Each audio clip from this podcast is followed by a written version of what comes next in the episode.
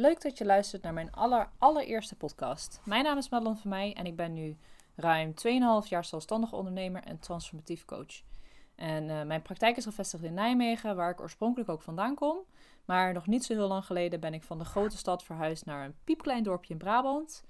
En in deze podcast ga ik je meenemen in mijn persoonlijke verhaal over de burn-out die ik heb gehad in 2017. Wat er van de aanleiding was en een aantal van mijn belangrijke inzichten die ik daar, daaruit heb opgehaald. Wellicht herken je jezelf in sommige onderdelen van mijn verhaal en mag ik je inspireren om ook het pad van persoonlijke en spirituele ontwikkeling te bewandelen. Goed, ik was 26 jaar en helemaal opgebrand. Hoe kan dat in vredesnaam?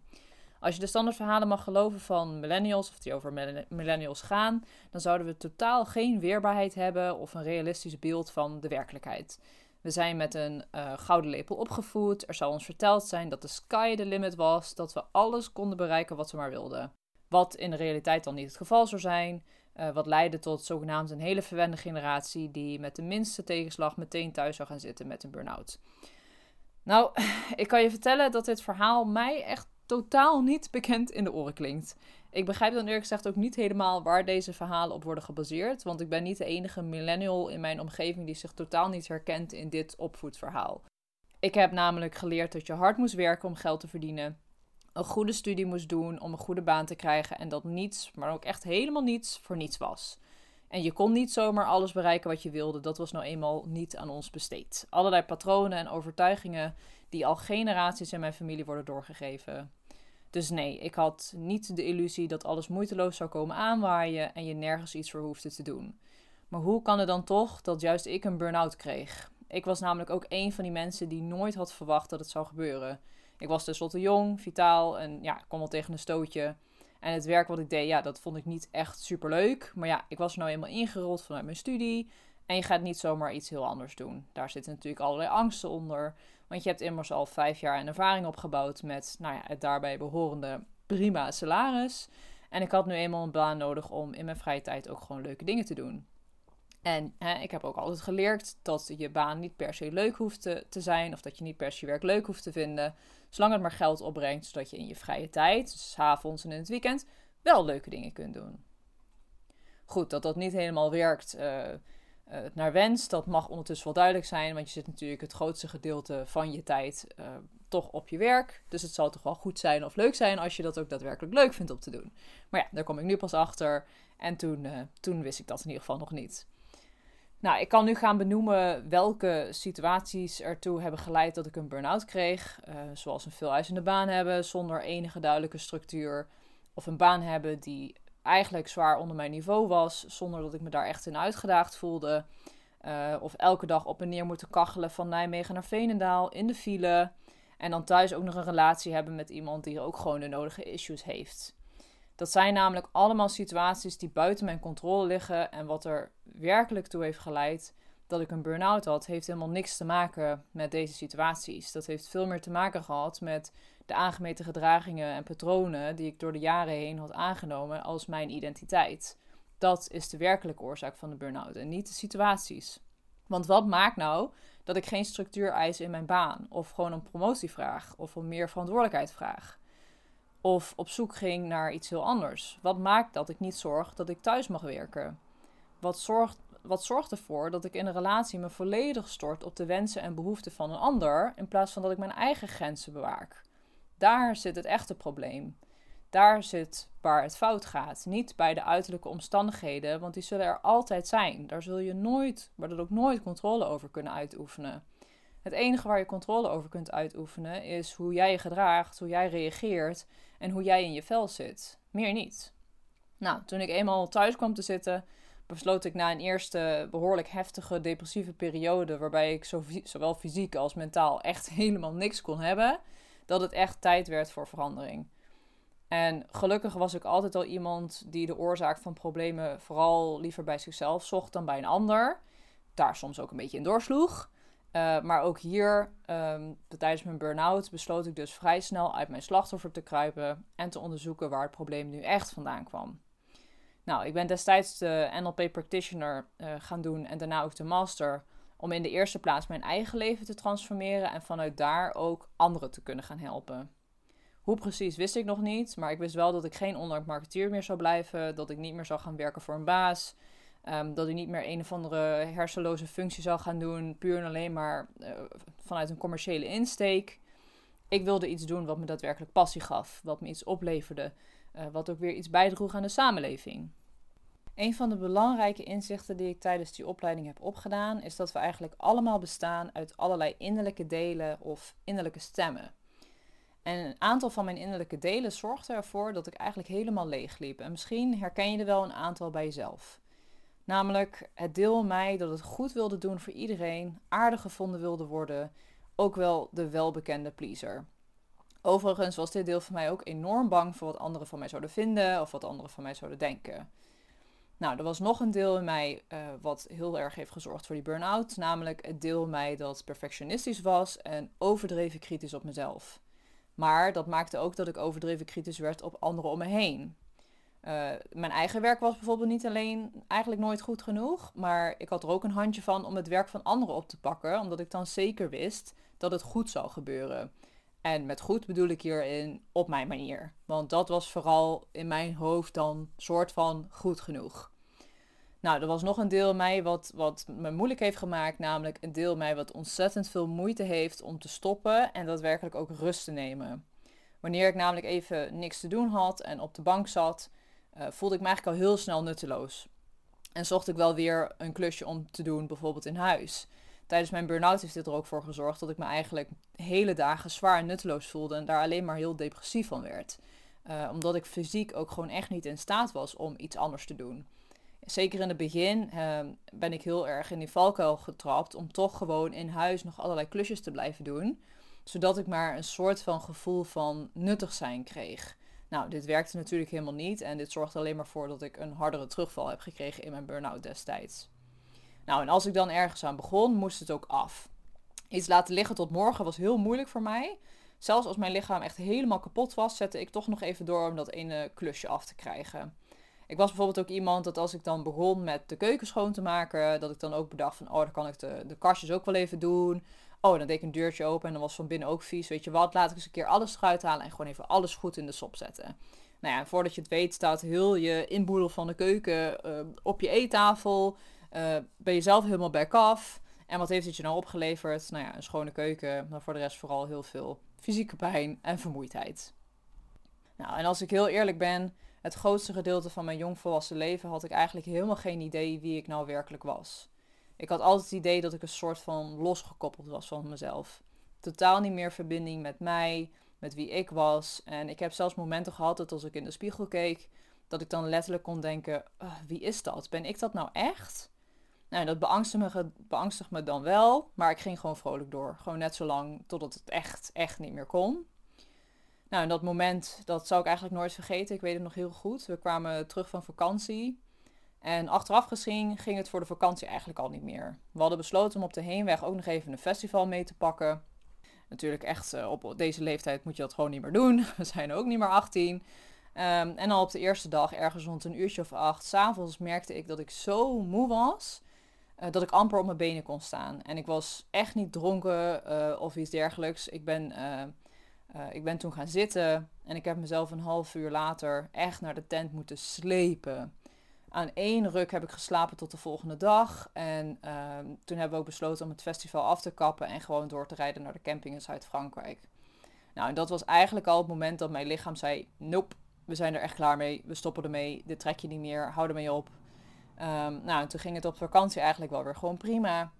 Maar toen ik eenmaal terugkwam van vakantie, uh, kreeg ik datzelfde weekend nog mijn aller, allereerste paniekaanval.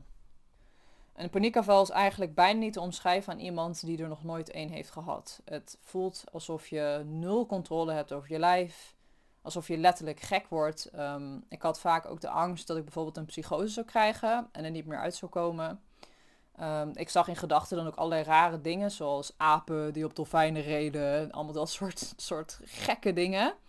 Um, achteraf klinkt dat misschien heel grappig, maar destijds maakte me dat echt heel angstig. Omdat ik het gevoel had dat ik echt geen enkele controle meer had over mijn gedachten. Over de plaatjes die ik in mijn hoofd kreeg. En ik dus echt, echt het gevoel had dat ik doordraaide. Na dat weekend ben ik maandag gewoon gaan werken. Want ja, ik had net vakantie gehad. Dus ik moet gewoon naar het werk. Dat wordt van me verwacht. Ook zoiets wat natuurlijk niet meewerkt. Uh, wanneer je gevoelig bent voor burn-out of een pleaser, hoort daar natuurlijk ook weer bij.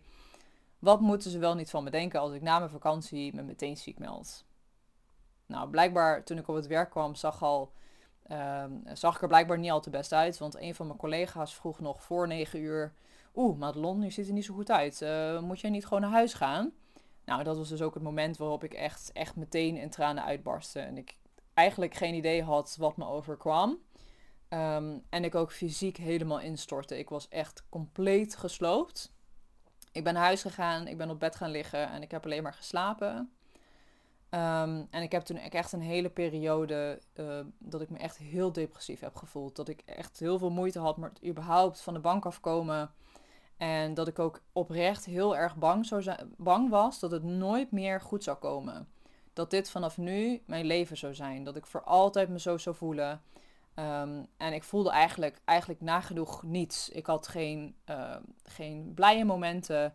Ehm, ik had geen vrolijke momenten. Ik voelde, als ik al iets voelde, was het eigenlijk alleen maar depressief of naar gedachten of lamlendig. Nou, echt geluk heb ik uh, die eerste periode zeker totaal niet gevoeld. Nou, naarmate dat uh, eenmaal uh, wat, wat langer duurde, werd het wel wat beter. Maar ik kan me nog heel goed die eerste periode herinneren hoe, hoe verschrikkelijk ik me toen voelde. Ik gun het ook echt helemaal niemand. Um, nou, tijdens mijn herstel van zes maanden ben ik tot een, een aantal hele belangrijke inzichten gekomen. Uh, maar de allerbelangrijkste, allerbelangrijkste is misschien wel dat alle gedragingen, patronen en overtuigingen die je jezelf hebt aangeleerd gedurende je leven, zijn allemaal een illusie. Het zijn allemaal gebaseerd op helemaal niks. En je kunt ook alles veranderen en transformeren.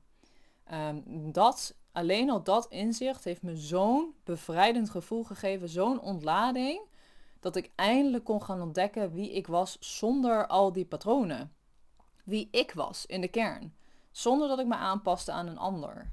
Dat ik zelf de touwtjes in handen had in dit leven en niemand anders verantwoordelijk was voor mijn levensgeluk.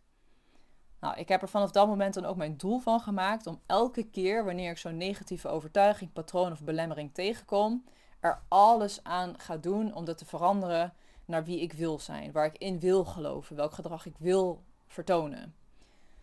Nou, en ik was hier en ik ben hier zo enthousiast over dat ik er ook mijn werk van heb gemaakt. En dat ik gewoon weet en zelf heb ervaren hoeveel impact het kan hebben op je leven wanneer je eindelijk afscheid gaat nemen van die gedragingen, patronen, overtuigingen die je hebt die je nu tegenhouden.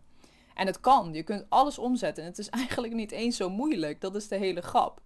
Wij vertellen onszelf dat het zo moeilijk is en dat het nou eenmaal is hoe we zijn en dat we het al jaren zo doen. En we hebben allerlei situaties waarmee we dat dan ook gaan onderbouwen waarom het zo is.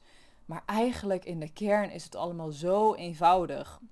En ik heb ondertussen ook in de praktijk al echt, nou ja, wat je bijna wonderen zou noemen zien gebeuren. Van mensen die al jaren en jaren en jaren tegen hetzelfde gedrag of patroon aanlopen, wat ze overal in heeft geblokkeerd in het krijgen van een betere baan, in het krijgen van een goede relatie. En dat gewoon omzetten in één sessie. Ja, ik, my mind was blown. En nog steeds dat ik dingen meemaak in de praktijk dat ik denk van wauw, het kan zo makkelijk zijn. Als je maar open durft te stellen en ervoor durft te, kiezen om te groeien. Nou, ik besloot dan ook uh, tijdens die burn om te stoppen als online marketeer. En mijn droom om zelfstandig ondernemer te worden echt na te gaan jagen. Nou, ik wist altijd al dat er meer moest zijn in het leven dan vijf dagen werken voor een baas. En dan in de avonden helemaal kapot te zijn om nog iets voor jezelf te doen. En dan misschien in het weekend een keer iets leuks te doen. En dan van weekend naar weekend te leven, van vakantie naar vakantie. Echt als een kink in het systeem. Alle respect voor mensen die het heerlijk vinden om ergens in dienst te zijn. Ik zeg echt niet dat er iets mis mee is, absoluut niet. Maar voor mij, voor mij werkte het gewoon echt totaal niet. Ik droomde van vrijheid. Ik droomde van mijn eigen bedrijf neerzetten. Zelf de touwtjes in de handen hebben. En de belangrijke beslissingen te mogen nemen. En eerlijk, ik heb er tot op de dag van vandaag echt geen moment spijt van gehad. En is ook geen vezel in mijn lijf die nog overweegt om ooit weer ergens in loondienst te gaan. Absoluut niet. Uh, spirituele en persoonlijke groei is een proces wat werkelijk nooit, maar dan ook nooit stopt. En dat hoeft van mij betreft ook echt niet. Ik heb gemerkt dat persoonlijke en spirituele ontwikkeling. Echt werkelijk waar mensen, het is de shit. De ultimate goal, succesfactor in elke stap die je zet in je leven. Of je nu een eigen bedrijf wil, meer klanten wil, of je nou van baan wil wisselen of een leuke relatie wil aantrekken. Je omgeving is altijd een spiegel van wat er van binnen leeft. Is je omgeving dus niet naar wens, dan is het tijd om zelfonderzoek en zelftransformatie te doen. Pas dan kan ook je omgeving zich aanpassen aan jouw nieuwe jij. Want heel simpel, waar jij in gelooft, wordt altijd jouw werkelijkheid. Ehm, als je het voorbeeld neemt bijvoorbeeld van een roker. Stel iemand heeft al 40 jaar gerookt, heeft zijn hele leven gerookt en die besluit op een gegeven moment, weet je wat, ik ga stoppen met roken. Maar ondertussen gelooft deze man, ik ben een roker. Dus hij zal altijd een roker zijn. Stoppen met roken zal nooit succesvol worden, omdat hij nog gelooft dat hij een roker is. Waar jij in gelooft, wordt echt altijd en altijd je werkelijkheid. Omdat uh, het mag niet, uh, niet kloppen. Als jij een bepaald geloof hebt, dan moet het in je werkelijkheid te zien worden. Anders ga je er wel op, op zoek of ga je het zelf manifesteren of ga je het zelf creëren. Omdat het moet kloppen. Jouw geloof moet kloppen met wat je ziet in de wereld, anders is het onveilig. Dan klopt het niet. Dan is er um, inconsistentie, is onveilig voor je systeem. Dus je zult altijd op zoek gaan naar bewijs dat wat in jouw geloofsovertuigingen leeft, dat dat waar is. Dus dat is echt de kracht van het omzetten van waar jij in gelooft. Zodra jij je geloof bij jou omzet, omschakelt, daar een switch in kunt maken, en dat kan dus echt heel erg snel, dan ga je dat zien in je werkelijkheid, omdat je op zoek gaat naar bewijs van waar jij in gelooft. Dus neem straks na deze podcast gewoon eens de tijd om goed na te denken over jouw leven. Op welke gebieden ben je niet tevreden? Is dat wellicht je werk, in je relatie, je financiën, je gezondheid? Ga dan eens na welke eigenschappen in jou zorgen dat die situatie in stand blijft. Waar geloof jij in op die vlakken? Wat is jouw aandeel daarin?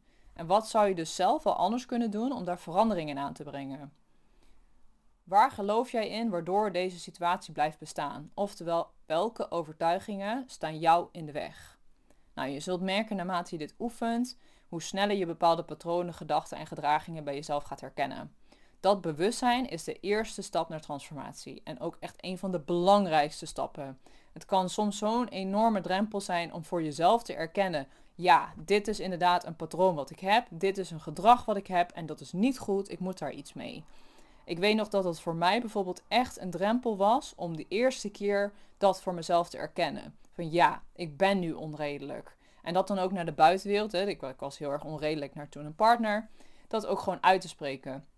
Ja, schat, inderdaad, je hebt gelijk. Ik was super onredelijk. En dit en dit is het gevoel wat eronder zit. Meer niet. En dat geeft zo'n bevrijding. En geloof mij, persoonlijke spirituele groei is echt echt verslavend. Waarom? Omdat dat echt is wat onze ziel het liefste wil. Onze ziel wil ontwikkelen, groeien, leren. Die wil naar een hoger bewustzijn. En het is dan ook heel lastig wanneer je eenmaal in die trein bent gestapt van ontwikkeling, om dat te stoppen. Voor de meeste mensen is er dan ook echt gewoon geen weg meer terug. En voor mij ook niet. En gelukkig voor veel van mijn cliënten ook niet. En dat is alleen maar heel, heel mooi. Want hoe meer mensen groeien naar een hoger bewustzijn, hoe echter, hoe puurder en hoe liefdevoller onze wereld wordt. En dat is uiteindelijk waar het, waar het echt om gaat, wat mij betreft. We zijn ondertussen aan het einde gekomen van deze podcast. Heel erg bedankt voor het luisteren wanneer je helemaal tot het einde bent gekomen. Super gaaf. Ik hoop dat ik je heb kunnen inspireren. Ehm, vond je dit nou interessant? Dan zou je het wellicht ook wel leuk vinden om mij te volgen op Instagram, waar ik dagelijks mijn leven deel, mijn inzichten deel en uiteraard heel veel van mijn kennis deel. Mijn accountnaam is Madelon Alissa. Het staat ook in mijn profieltekst. En ik zou het super leuk vinden om je daar ook te mogen verwelkomen. Voor nu een super fijne dag gewenst en heel graag tot de volgende aflevering.